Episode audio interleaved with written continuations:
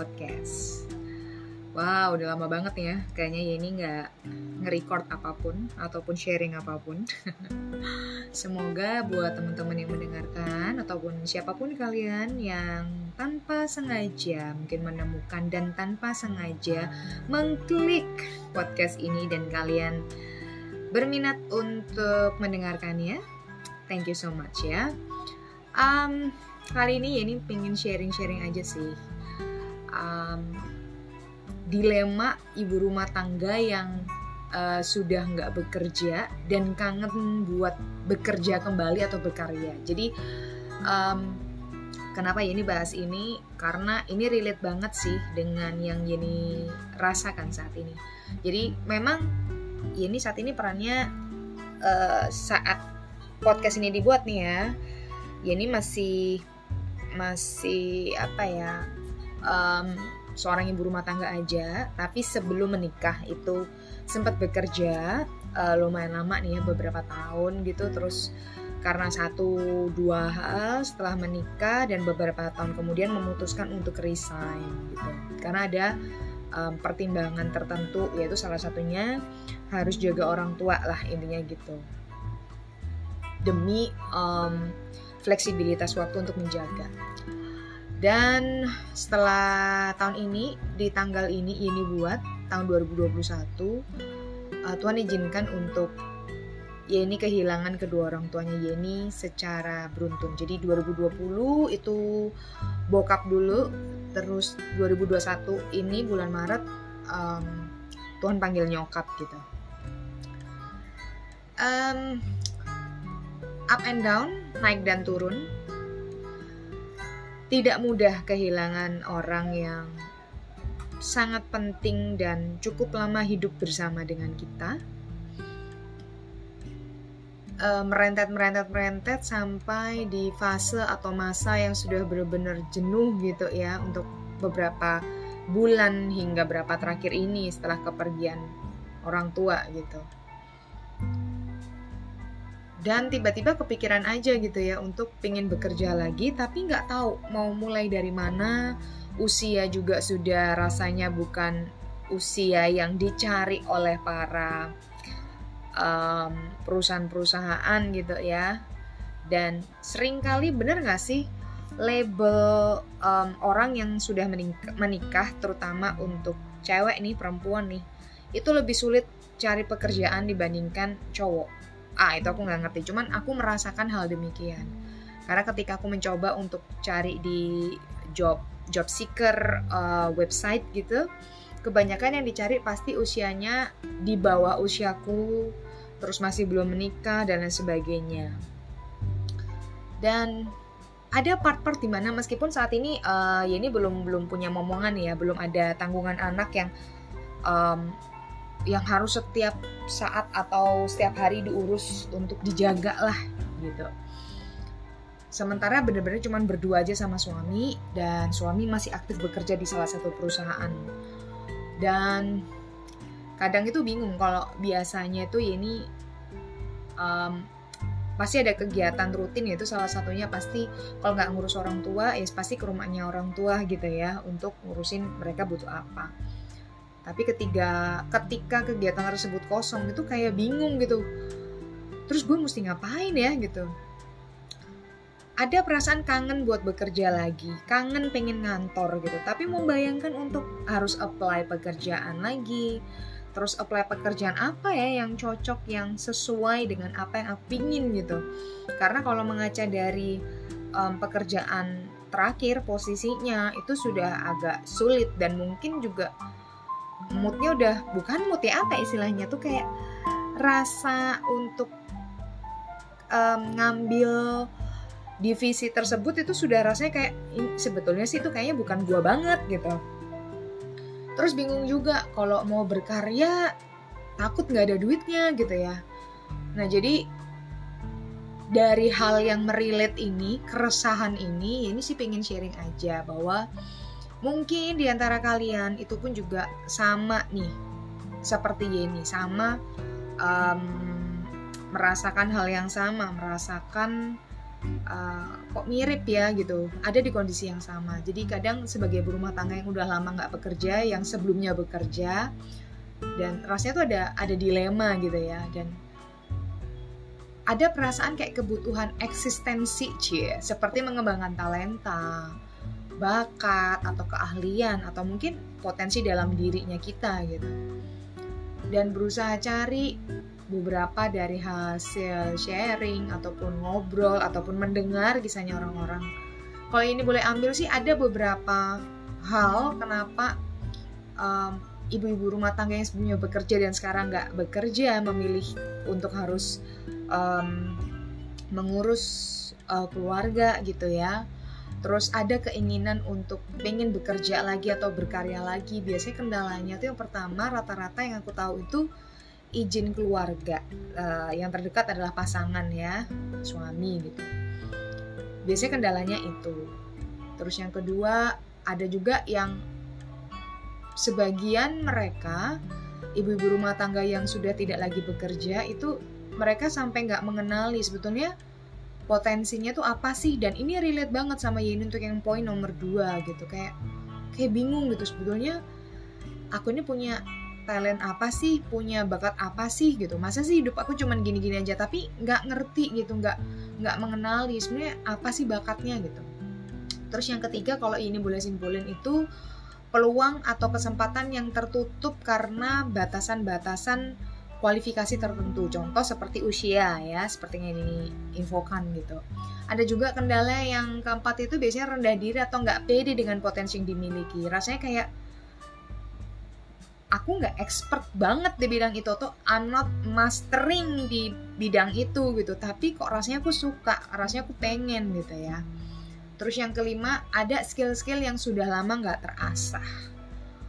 Ini juga kadang kendala untuk sebagai seorang ibu rumah tangga yang dulunya mungkin bekerja ataupun yang memang dari awal memang uh, memutuskan setelah menikah atau sebelumnya mungkin selesai kuliah atau mungkin selesai sekolah terus tiba-tiba langsung uh, langsung menikah gitu ya tanpa merasakan uh, bekerja terus tiba-tiba ada di fase di mana kok kayaknya hidup aku nggak cuma sekedar ngurusin keluarga deh kayaknya ada something di dalam diriku yang harus aku kembangin nih. Nah mungkin uh, kalian merasakan hal itu ya bisa jadi karena ada sudah ada skill yang lama udah lama nggak terasah gitu.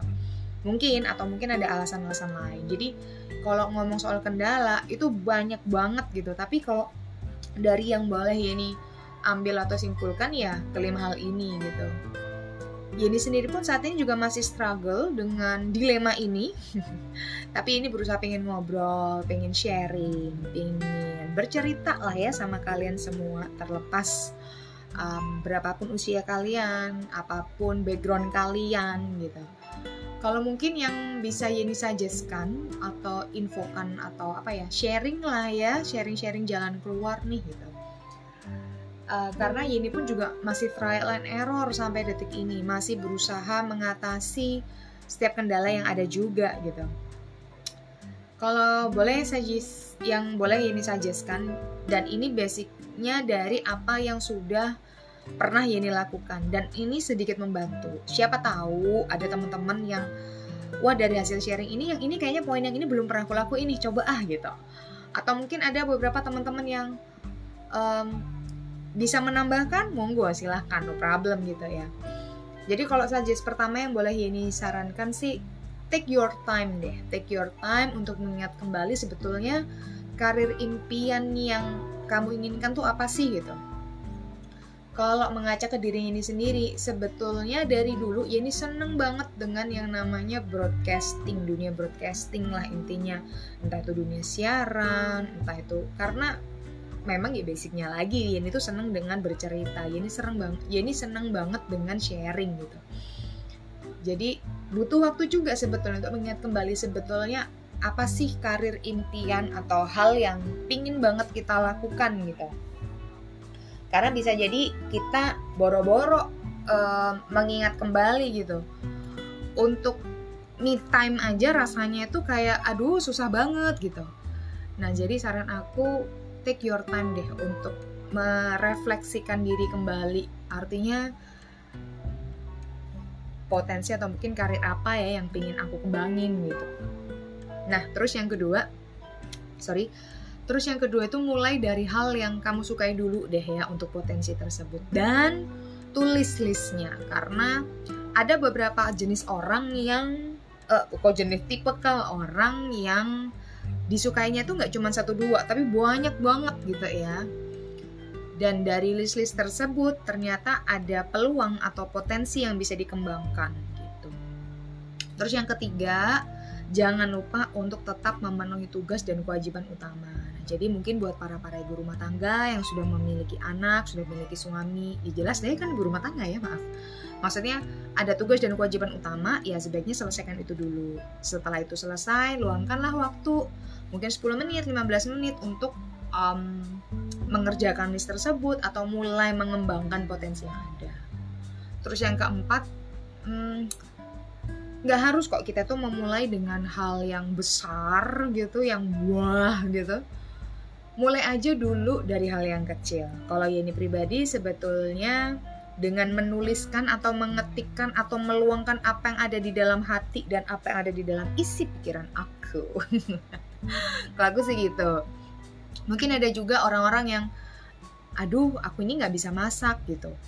Tapi aku pengen coba deh belajar deh gitu. Ya, coba aja misal dari hal yang simpel-simpel dulu cari referensi gitu dari mungkin YouTube uh, buku-buku resep. Coba aja yang sekiranya hmm, kalau yang ini bahannya ada di rumah nih coba ah gitu. Atau mungkin kayak kelihatannya sih ini gampang coba ah gitu. Ya trial and error lah gitu ya. Jadi mulai aja dulu dari hal-hal yang simple yang kecil yang tidak membebani diri kita. Artinya kalau misalnya it doesn't works it's okay gitu. Nggak nggak ada yang dirugikan. Ya nggak apa-apa. Lakuin aja dulu dari hal-hal kecil itu. Karena nggak semua orang punya privilege atau hal-hal yang dilakukan terus boom berhasil luar biasa. Mungkin ada tapi itu juga apa ya kayak range-nya tuh mungkin satu juta banding sekian lah gitu. Satu juta banding eh, uh, 10 atau mungkin sepuluh ribu banding satu gitu mungkin ya. Terus hal berikutnya yang boleh ini suggestkan itu yang kelima nih ya. Tanamkan di dalam dirinya kita bahwa I am precious. Uh, maksudnya aku ini berharga aku ini worth it ke orangnya dan hey I am amazing, you are amazing gitu. Kalau sampai detik ini kamu sudah boleh berjuang, kamu boleh meluangkan waktu untuk keluargamu, kamu mengorbankan semuanya untuk orang-orang yang kamu kasihi, sekelilingmu gitu. Kamu hebat loh. Jangan sampai dengan segala kendala yang ada, terus impianmu belum tercapai atau ada potensi yang belum maksimal, terus kamu rendah diri. Jangan gitu ya. Tanamkan di dalam diri kita bahwa sampai detik ini kita boleh hidup, kita masih boleh bernafas, kita masih boleh berdaya guna atau mungkin masih boleh bermanfaat buat orang lain. Kamu luar biasa, bahkan sekalipun mungkin banyak orang tidak menganggap kehadiranmu, tapi percaya deh, pasti ada kok di muka bumi ini yang merasa bahwa kehadiran kita itu sangat sangat berharga. Percaya deh itu ya. Terus yang keenam, give yourself take some rest menurut aku. Karena kadang terlalu banyak kegiatan menyita waktu lah hektik terlalu capek dan mungkin apalagi menurut aku kayak ibu-ibu baru gitu ya yang baru punya baby mungkin itu sangat benar-benar menghabiskan waktu senda sendiri gitu. Kayak menguras tenaga sekali gitu. Jadi boleh kok kita memberikan me time sama diri kita boleh kok kita uh, minta tolong sama orang lain untuk untuk handle sebentar um, atau mempercayakan kepada orang lain hal yang sekiranya memang kita butuh rest nih intinya tuh gitu. Jadi kita percayakan sama orang lain sebentar gitu rasanya boleh supaya jiwanya ini nggak exhausted gitu. Um, masih tetap bisa pulih masih bisa seger gitu. Terus yang ketujuh aku nggak tahu ya apakah semua orang setuju dengan hal ini tapi ini dari sekali lagi dari pengalamannya Yeni nih ya. Bahagiakan dirinya kita terlebih dahulu sebelum kita membahagiakan orang lain. Terdengar selfish ya tapi Yeni sempat sharing atau cerita atau berkomunikasi sama temennya Yeni yang memang um, beliau sering menangani orang-orang uh, konsultasi dan lain sebagainya karena memang uh, beliau itu ada background psikolognya juga gitu. Dan ternyata statement semacam itu tidak dipersalahkan loh gitu. Dan justru memang ya harus itu yang dilakukan karena kalau kitanya sendiri nggak bahagia bagaimana kita bisa memberikan kebahagiaan sama orang lain kalau kita sendiri aja nggak ngerti bahagia itu apa sih gitu. Jadi kita yang mesti bahagia dulu sebelum kita membagian orang lain termasuk untuk anak termasuk untuk suami bahkan untuk diri kita sendiri. Jadi beri kita kebahagiaan dulu dalam diri kita gitu ya. Dan kita melakukannya dengan dengan sadar dan tentunya dengan penuh tanggung jawab gitu ya.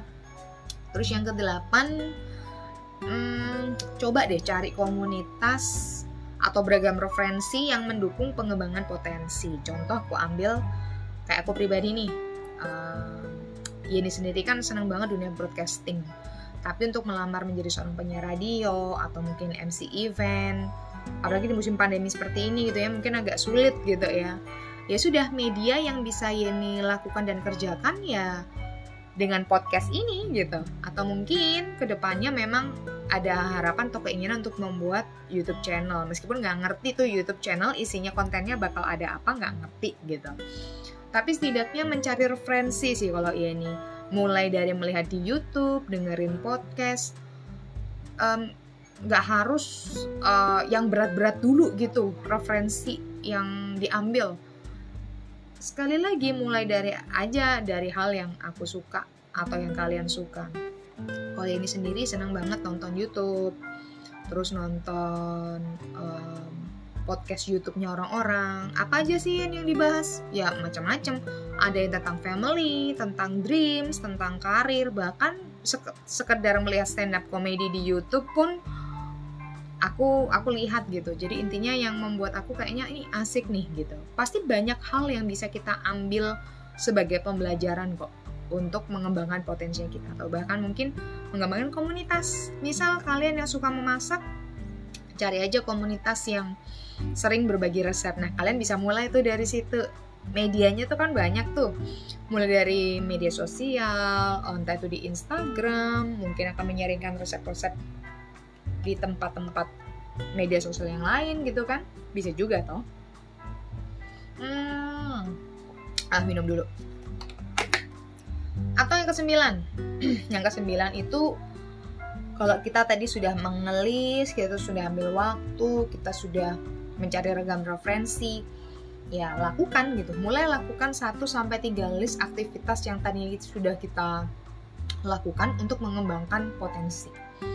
Nggak harus langsung 5 nggak harus ke 10 10 nya nggak. Mulai aja minimal dari satu deh. Dari satu ntar berkembang lagi jadi dua dua berkembang lagi jadi tiga. Dan siapa tahu dari sekian banyak hal list yang kita sukai ternyata ada dua sampai tiga nih atau mungkin memang cuma satu tapi itu powerful banget untuk dilakukan dan dikerjakan it's okay lakukan aja gitu terus yang berikutnya tuh jangan mikirin apa kata orang dulu deh. Yang penting diri kita happy dulu. Kalau aku pribadi jujur ada ada dilema bahwa sebetulnya apa yang aku kerjakan ini kira-kira bisa menghasilkan duit nggak sih? Nah, ujung-ujungnya duit lagi gitu kan. Dan itu sempat membuat aku stres dan tidak berani untuk melangkah, tidak berani untuk mengambil keputusan dan melakukan apa yang aku sukain gitu teman-teman. So dari situ aku berpikir um, berbulan-bulan bergulat dan tidak melakukan hal apa pun eh ternyata nggak menghasilkan juga gitu aku pikir kalau memang untuk saat ini sama-sama tidak menghasilkan uang kalau kita memang uh, salah satu keinginannya potensi atau mungkin um, apa ya uh, karyanya itu ingin bisa menghasilkan uang ya intinya lakukan aja dulu deh gitu. Yang penting lakukan dari hal yang kamu suka. Mau itu ada uangnya mau itu nggak ada uangnya percaya deh ketika kita konsisten kita disiplin melakukan um, hal yang kita sukai itu terus menerus peluang-peluang seperti itu pasti bakal bakal datang kok. Pasti bakal datang percaya deh. Meskipun saat ini pun ini melakukan ini juga masih bingung bener gak sih ini ada duitnya apa enggak karena kalau ini sendiri sih ada keinginan gitu dari hal yang ini kerjakan itu setidaknya masih bisa membantu uh, apa keuangan di keluarga bantu suami lah intinya gitu supaya bebannya dia nggak terlalu berat-berat banget. Itu sih keinginannya gitu. Tapi ya um, setidaknya sekali lagi mulai dari mulai aja dulu dari hal yang kita bisa mengenai peluang asal kita disiplin asal kita konsisten. Percaya nggak percaya? Percaya aja. Pasti nanti ada kesempatannya. So Yeni rasa itu dulu um, sharing-sharing Yeni di podcast kali ini tentang dilema seorang ibu rumah tangga yang sebelumnya bekerja dan sekarang akhirnya tidak bekerja dan kangen buat dan kangen buat kerja lagi atau memulai untuk berkarya. Jadi percayalah wahai wanita-wanita di luar sana bahwa kalian tuh punya potensi yang luar biasa. So jangan rendah diri dan mulai aja dulu dari hal yang kamu sukai. Semangat! See you next time at Yeni Podcast berikutnya. See ya!